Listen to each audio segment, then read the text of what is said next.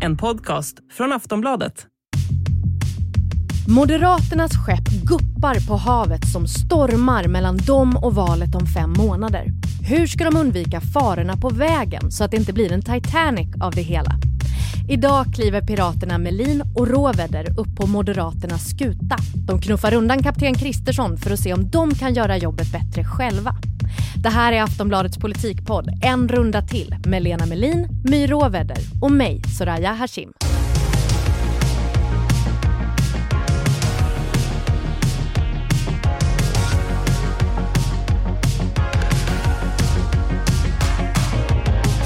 Lena och My, välkomna ombord på resan som är detta avsnitt. Tack. Tack. Idag så ska ni få kliva på det stora moderatskeppet som styrs av kapten Kristersson.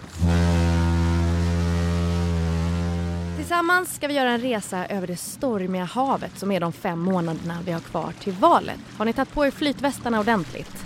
Absolut. Och nödraket. Ja, det är bra. Det är bra. Medan vi påbörjar vår långa färd så vill jag att ni tar och börjar besiktiga den här stora båten. Ni vet, knacka lite på väggarna, känna så att livbåtarna sitter fast ordentligt. Vad är ert helhetsintryck av skeppet Moderaternas skick just nu? Ja men det ser fint ut på ytan men om man tittar lite närmare så, så verkar det som att den inte har en tillräckligt stark motor för att, för en sånt, sån stor båt, skepp. Skeppbåt. Vad menar du? Vad säger man? Nej men att det, det går liksom inte så snabbt som det borde göra kanske när man har en sån glansig yta. Men, men det är inte helt åt helvete med Moderaterna väl, Lena?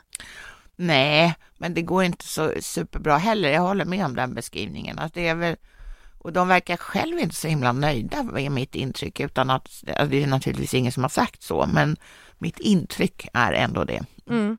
Men, men eh, det är ju inte helt stilla i, i moderatseglarna. Det finns ju ändå någon slags vind där. Vad är det som går bra för dem? Vad, vad består den här vinden av? Alltså de, deras satsning på alltså, här, lag och ordning, den, har de, den har ju gått hem kan man säga. Väljarna tycker att Moderaterna har en bra politik på det området. Sen eh, måste de ju själva i alla fall tycka att den här själva NATO-frågan som lyfts ideligen av Ulf Kristersson också går ganska bra. Eh, det har inte gått så himla bra för honom personligen eftersom han har då eh, råkat ut för magister Bildt, som magister Bildt sa att nej Ulf, du har fel, ja. sa magister Bildt. Och sen så, ja, sen så la Ulf Kristersson om tyngdpunkten på sitt budskap i NATO-frågan. Men, men du tänker att de måste tycka att någonting är bra med det här NATO-trycket de håller på med, för annars hade de inte hållit på? Nej, dels det och sen så är det ju ett sätt att komma in, nu låter jag ju hemsk, men på regeringen äger ju på något sätt själva den här frågan om, om krig och fred. Mm. Och, och, och, Moderaterna vill naturligtvis inte bara bli passiva åskådare och då kan att lyfta den här NATO-frågan är ett sätt för dem att komma in på den här planen utan att, så att säga, gå i konfrontation i till exempel flyktingfrågan eller vad som nu annars skulle kunna vara aktuellt. Mm. Vi ska göra så att vi piper upp till kommandobryggan och hälsar på hos kapten Ulf Kristersson. Här står han i kaptenshatten och ska en kule natt, natt, natt ta båten över havets vågade, vågade våg. Eh, och visst, han passar i hatten, men när jag frågade er tidigare i veckan vad ni tyckte Moderaternas största problem var, då sa ni båda att det var just kaptenen. Varför tycker ni det? Ja, men att göra en omsvängning eh, med ett parti som Moderaterna gjort om det här med SD-frågan, hur man ska förhålla sig till dem, det är svårt. Alltså oavsett det blir svårt för att budskapet blir otydligt. Om man först står för någonting jätte, jättehårt, himlen faller ner och så vidare. Mm. Och plötsligt står för någonting, byter fot och står för någonting annat jättehårt. Vi ska, vi ska prata med alla, eh, sen vi ska samarbeta med alla och sen kanske vi hamnar i att man ska samregera med Sverigedemokraterna. Det är ju ändå liksom rörelsen framåt. Då blir det lite svårt att lita på Alltså det är svårt att lita på budskapet och det blir ju också så här, politik handlar om trovärdighet och den får ju liksom ett nagg i kanten när man byter fot sådär totalt. Men, men vi, vi ska återkomma till detta, men, men jag förstår det som att du liksom tycker han är lite svajig. Eller otydlig. Ja men det blir otydligt och sen så är det ju också att den moderata ledningen, de har inte riktigt lyckats hitta någon politisk fråga där de äger debatten. Alltså Jo, till viss del så äger de ju debatten kring gängvåld och skjutningar. Men den gäller ju bara när det är aktuellt. Ja. Så att det är ju, liksom, om det händer någonting annat som kriget i Ukraina som överskuggar det här, den här frågan, då försvinner Moderaterna och blir helt osynliga. Och det är ju en ganska sårbar strategi för ett regeringsbärande parti, att man har, att det, att det är yttre omständigheter som bestämmer om man ska lysa eller inte i den politiska debatten. Lena, du hade lite andra skäl, va? Du, du tyckte liksom det handlade om Ulf. Att han var lite, vad var det för ord du använde? Ja, men han, han är lite snäsig. Alltså lite, Snäsig. lite, han liksom blir eh, lite sur över frågor som han inte tycker är rätt ställda. Och, och det är liksom, då ger han ett von oben-intryck. Sen håller jag med om att, att Ulf Kristersson Alltså Moderaterna ändrades ju först under Anna Kinberg Batra. Det var ju där den nya kursen mot Sverigedemokraterna lades fast. Men sen när de bytte partiledare då, när, när Anna Kinberg Batra fick kicken för att hon hade just beträtt denna SD-väg, då eh, hoppade ju eh, Ulf Kristersson tillbaka till den ursprungliga positionen. Nej, vi ska inte prata med Sverigedemokraterna. Och sen ändrade sig Moderaterna igen. Så att liksom i ett lite längre historiskt perspektiv, utan att vara jättelångt, så, så har ju Mo- Moderaterna ändrat sig flera gånger i den här frågan. Och Det är väldigt intressant. Oj, oj, nu hör jag här över radion att på Ulfs resa framåt mot valet så finns det fem isberg som han måste undvika. Och jag ser ju att ni inte riktigt 100% tror på hans förmåga att klara det, att, att klara att undvika de här fem isbergen. Så vet ni vad? Ni ska få chansen att göra ett bättre jobb själva. Jag utnämner er härmed till Pirat Melin och Pirat Råväder. Herregud. Jajamän. Eh, så jag gör så här, jag surrar fast Ulf Kristersson vid masten och ber honom hålla truten. Eller ja, han, han kan ju vråla bäst han vill. Här ute är det ingen som hör honom i alla Det är fall. skånsk blåst här. ingen hör dig Ingen på hör Österlen. Nu är rodret ert. Och det första isberget av fem som vi möter på vägen heter Den svaga alliansen. När Ulf Kristersson valdes till partiledare för snart fem år sedan så fanns det en allians. Ulf ville stärka Moderaternas position i alliansen och alliansens position i Sverige. Idag finns det visserligen en stark kärlek mellan Moderaterna och Kristdemokraterna. Det finns en tåflört med Sverigedemokraterna och det finns något, oklart vad, mellan Moderaterna och Liberalerna. Men Centerpartiet har dumpat sitt gamla gäng och alliansen som den såg ut förr är död. Han lyckas ju uppenbarligen inte göra sitt regeringsalternativ tydligt för väljarna. Så det är upp till er nu. Det är ni som står där framme och ska bestämma. Hur ska ni göra? Men jag tycker faktiskt inte att det är så otydligt, hans regeringsalternativ. Hans regeringsalternativ är M och KD. Sen får man väl se vad som händer med L, för det är ju liksom ointressant om de inte kommer in. Och sen så ska de, den här eh, lilla regeringen då eh, sitta med stöd av Sverigedemokraterna. Det tycker jag faktiskt är något av det klaraste som Ulf Kristersson har med sig i bagaget. Jaså, för jag tänker just eftersom han är sådär lite velig fram och tillbaka och är det SD, är det inte SD, vad händer, vad händer inte? Så, Ja, så... men nu, nu har han tagit fram räknedosan och kommit fram att det går inte utan SD, alltså gillar jag dem. Men tycker du han är tillräckligt tydlig med det gentemot väljarna? Ja, Vad säger du? Jag håller helt med Lena. Men är drömmen om alliansen död? Alltså alliansen i den form som den bildades av Maud Olofsson och Fredrik Reinfeldt så är den död och förblir död. Mm. Och det är en bra sak, eller? Ja, inte för de fyra partierna, men, men det, för övrigt så kan man väl ha olika synpunkter på om det är bra eller dåligt.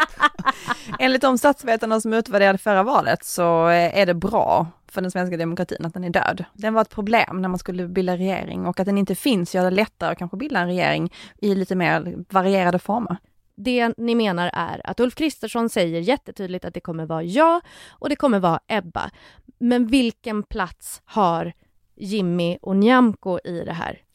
Ja, men Nyamko kommer, hon kommer sannolikt sitta i regeringen utifall att Liberalerna lyckas hanka sig in i riksdagen. Men jag vill nu påminna om att i över två år så har Liberalerna legat under 4 procent. Det är inte, det är inte så att solen skiner på Nyamko Sabunis parti. Det är tufft för henne på Ja. många sätt just nu. Och Sverigedemokraterna kommer ju enligt vad Ulf Kristersson säger hela tiden utgöra ett regeringsunderlag och ha ett stort, förmodligen avgörande inflytande i många frågor, men inte sitta i regeringen. Och det verkar ju vara någonting som Jimmy Åkesson har accepterat. Men om Jimmy Åkesson blir, får näst största parti, alltså om, om Sverigedemokraterna blir näst störst? Ja, men det kommer de inte att bli, så att det kan vi hoppa, hoppa över. Du är så säker på det? Ja. Varför det? Därför, de, därför ja, bland annat för att det är krig i Ukraina. Om det är några som väljs bort eh, av väljarna är det de icke regeringsbärande partierna och dit hör Sverigedemokraterna. Lennart sitter på siffrorna. Mm. Ja, ja, det är bra. Mm. Vi går vidare. Ser ni okej okay, trots piratögonlapparna? Är det okej? Okay? Mm. mm. Mm. Hur mår ditt träben? My? Ja, men jag trivs. Kanske inte på havet, men... men träben känns Generellt sett. Jag tycker det ska bli kul att dunka som den här John Silver i Skattkammaren. Hur gör man det? Vad dunkar? Han dunkade sitt träben i, ah. i, i i, um, på, på, så att säga, på, på landgången och mm. an, andra träytor på båten.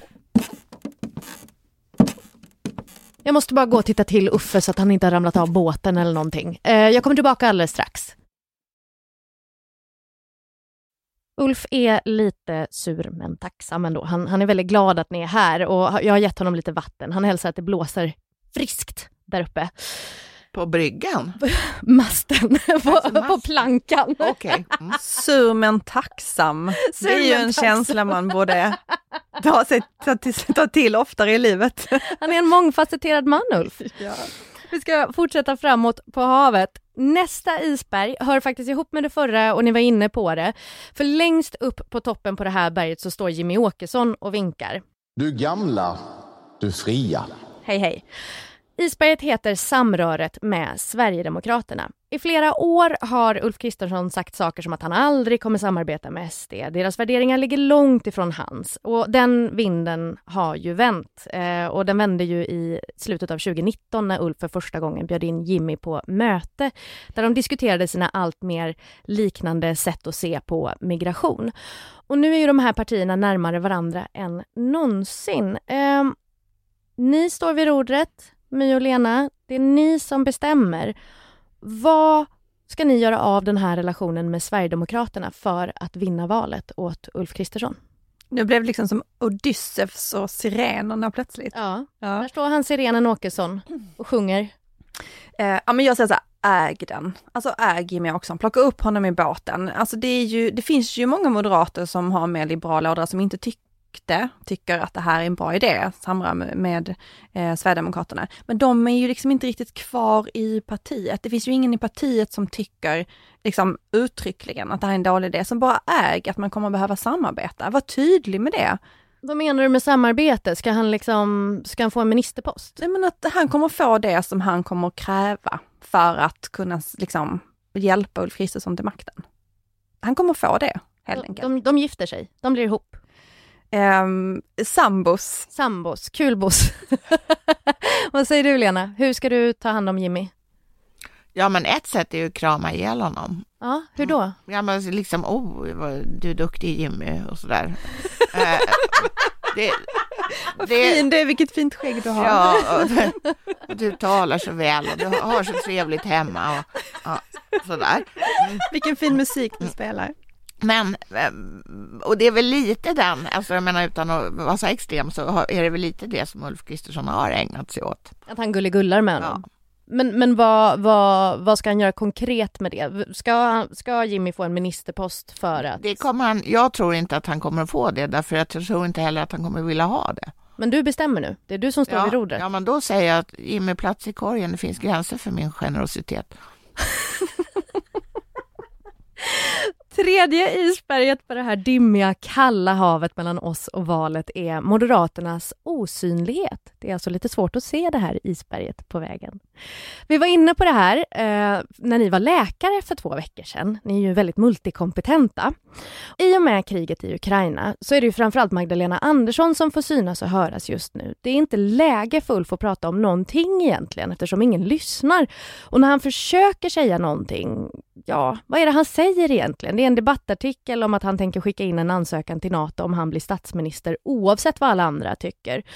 Så hur tänker ni lösa det här? Hur ska Moderaterna synas igen, Lena? Nej, men jag, jag, tror att det är bara att jobba, jobba på faktiskt. Alltså, det, och finna sig lite i att den här situationen är som den är. Det, det, det är väldigt svårt för andra än regeringspartiet eller regeringspartierna att synas i, en sån, i den politiska, inrikespolitiska debatten i en sån här krissituation som ju är ja, den värsta krisen på, jag vet inte när. Mm. Mm. Uh, och uh, det gör det väldigt svårt för Ulf att komma fram. Men han får jobba på, trägen vinner. Eh, försök med allt som verkar, och, framför allt, prat, ta, inta den här rollen av en vuxen i rummet som han pratade om i sitt mm. installationstal. Det tror jag är superviktigt för att här, här är det inte, finns inte plats för flams och trams och inte heller för något som folk tycker liksom verkar perifert. Ja men för jag tänker det, om, om, om ditt intryck av honom just nu och kanske en av anledningarna till att vi har surrat fast honom vid masten är att liksom, han är lite snäsig och gnällig och lite sådär. Hade det inte varit bra för honom till exempel att passa på nu och vara lite landsfaderlig och prata om demokrati och liksom de stora värdena och liksom ge mer den känslan? Jo, men han, det skulle vara jättebra för Ulf Kristersson om han kunde vara lite som Jan Björklund i sina bästa stunder. Ja. När han liksom ställde den västliga demokratin mot autokratier och sånt där. Ja. I väldigt ideologiska tal. Men, det, men det, och det, det, skulle Ulf Kristersson må bra av om han kunde göra något åt det hållet. Mm. Vad säger du My? Hur ska vi få dem att synas igen? jag tror att ja men jag håller med Lena precis här, alltså det är ju så här, man ska ju inte tjafsa om sånt som inte är relevant. Eh, och man ska inte tjafsa så mycket om sånt som är kopplat till alltså kriget i Ukraina, för att det är ingen som vill höra tjafs om det. Betyder det släpp NATO? Alltså inte släppa NATO, NATO-frågan är ju rolig på det sättet att, att det enda som krävs egentligen för att liksom bara krossa den här valstrategin, det är att sossarna säger så här, nej vet du vad, ja NATO, varför inte? Kanske inte nu, men kanske vi, vi liksom påbörjar en process att närma oss och kanske gå med i NATO i den närmsta framtiden. Det är ju allt som krävs, eller att Finland går med i NATO, det är ju allt som krävs för att hela Ulf Kristerssons liksom, konfliktyta här är borta. Och då så tänker jag, som Lena säger så här, det, det finns en fråga som sossarna är livrädda för och det är att det ska bli, handla jättemycket om skjutningar och gängkriminalitet. För där är Moderaterna jättestarka. Varför inte bara syssla med det lite vid sidan av? Men kan de göra det nu? Det levande. Är det läge liksom att, att snacka om det nu? Ja men där är väl igen det här med att man hela tiden förlitar sig på omständigheter, att det är så här, det är inte partiet själva som styr, utan det är liksom den allmänna debatten som styr om de syns eller inte. Ta kontroll över det och se till att synas istället och gör den egna debatten till den allmänna debatten. Det här med skjutningarna, de, det händer ju hela tiden. Det är ju bara så att det hamnar lite i skymundan när vi har ett krig i Europa. Men det fortsätter ju ändå ske, även i Sverige. Alltså det ser vi ju bara på Aftonbladet, liksom. Mm. Vi, vi rapporterar om det här varje vecka. Så det är inte så att den här frågan de har inte tagit en paus för att de sitter hemma och tittar på liksom, krigsklipp, utan de fortsätter med sin kriminella verksamhet. Och hur, hur lyfter man den frågan utan att det känns som att man tar bort fokus från alla människor som dör i Ukraina? Ja men där, Lena har en jättebra, liksom det här med att det handlar om trygghet. Ja. Att valet handlar om det och det här är ju en del av det. Eh, eller hur Lena? Mm. Det, är liksom, det, är ju, det handlar ju om mer än bara kriget med tryggheten. Och det, det finns, alltså även om kriget är överst på agendan så som till exempel igår då så seglade ju det här upp att det var 90 skjutningar i, redan i år och att det var en ny toppsiffra och så där. Så det, frågan lever ju även om den kanske inte är allra högst upp. Och mm. det, det, skulle ju Ulf då kunna hugga på så att säga. Ja men varsågod Ulf. Eh, där framme så ser jag det fjärde isberget som egentligen alla partier möter på havet och det är ju persongalleriet. Om man tittar på vad de kommunicerar om sig själva, Moderaterna, i sociala medier, som ju ändå är någon slags verktyg till att nå unga väljare, så är det så väldigt platt tycker jag. Det är torra budskap, det luktar inte ungt och fräscht, det är inte balt. Det är liksom bara bilder på Ulf Kristersson och Elisabeth Svantesson i flödet. Ibland dyker hans hund upp också. Och det här tänker jag är ett problem, att de har lite för få profiler. Så jag skulle vilja att ni plockar ut varsin person som skulle kunna bredda bilden av vad Moderaterna kan vara. Någon som kommer dra in nya väljare. Vem vill ni ha? Jag lutar mig tungt på dig här Lena. Alltså, ja, ja, ja, jag, vill ju, jag vet inte om han kanske förmår att nå de här målen som du målade upp här. Men ja. Benjamin Dosa, alltså ja. Moderata ungdomsförbundets förra ordförande, han har ju i alla fall tillfälligt lämnat politiken, eller den partipolitiken och jobbar på Timbro. Men han är ju, tror jag, ändå en framtidsman för Moderaterna. Det går i honom. Det går i honom. Han är oväntad eh, och eh, har en fantastiskt bra story. Hans person är liksom också spännande. Så att eh, det, där tror jag de har något. In Medusa. Sista isberget på vår väg är ett berg vi har tagit upp några gånger redan och det är berget jag kallar för Carl Bildt. Det här handlar ju då om spöket från förr som kommer tillbaka och nyper Moderaterna i kinden då och då. För inte så länge sedan så tillrättavisar ju han Ulf som en liten pojke efter Ulfs NATO-utspel och sa att det där var ju inte alls någon bra idé. Och samtidigt så förstår jag det som att Bildt är lite av en gud för moderater. Så hur ska ni hantera Karl? Vad ska ni göra åt honom och hans relativt stora trut? Det där tror jag är ett isberg man bara helt enkelt får eh, försöka runda. Mm, jag tror inte det går att få stopp på Carl Bildt. Det är så? Han får, han, man bara låter honom låta? Ja. Det är också för att nästa gång så kanske han säger någonting snällt. Han är ju lite som en sån där tough love morfar. Ja. Säger någonting surt, säger någonting snällt, spelar in en gullig valfilm. Det gjorde han i förra valet. Men vad är det som gör att han får härja hur han vill? Alltså är han, är han untouchable eller vad är grejen? Han är väl så egen så det är lite svårt att, att liksom veta vad man ska ta sig för helt enkelt. Ja. Men, men vill, jag menar, ni är ju allsmäktiga nu, ni är ju kaptener vid, vid skeppet, ni har ju tagit över. Alltså ni, ni kan ju också bara sätta munkavle på honom, ni kan ju liksom skeppa honom till Sibirien, jag vet ja, inte. Då skulle alltså... han säkert dra upp någon, någon liten eh, mobiltelefon i fickan och, och, och skicka, twittra lite grann istället. Så det, det, det, går liksom inte, jag tror inte. Också han som har så här självbilden av att han är internets fader. Ja, ja, ja. nej okej, så bara runda skeppet, vi kan inte göra någonting åt det. Han får låta bäst han vill och så får man hoppas att han är för ja, Ett alternativ är ju att se till att han får något toppjobb i Washington, men det vet jag inte riktigt. Klarar man det på skeppet eller så att han håller sig, så att han är där liksom? Ja, men man, man sätter honom i ett sånt här litet skepp som är liksom fäst. Ett sånt här liksom bakom-skepp som han får styra över fast egentligen så dras den fram av det stora moderatskeppet. Men han kan domdera hur mycket han vill. Över sitt lilla skepp. Höger, vänster, styrbord, babord. Jag tycker vi tar en livbåt och eh, drar från skeppet. Lena och My, tack så hemskt mycket för idag. Programmet är slut och de skyldiga är producent Olivia Svensson, expertpirater Lena Melin och My Råväder och jag som står för myteriet heter Soraya Hashim. Skepp ahoy, vi hörs nästa vecka.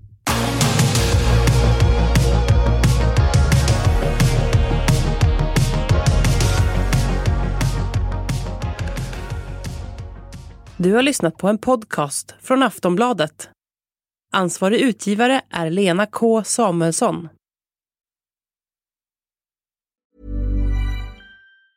There's never been a faster or easier way to start your weight loss journey than with PlushCare.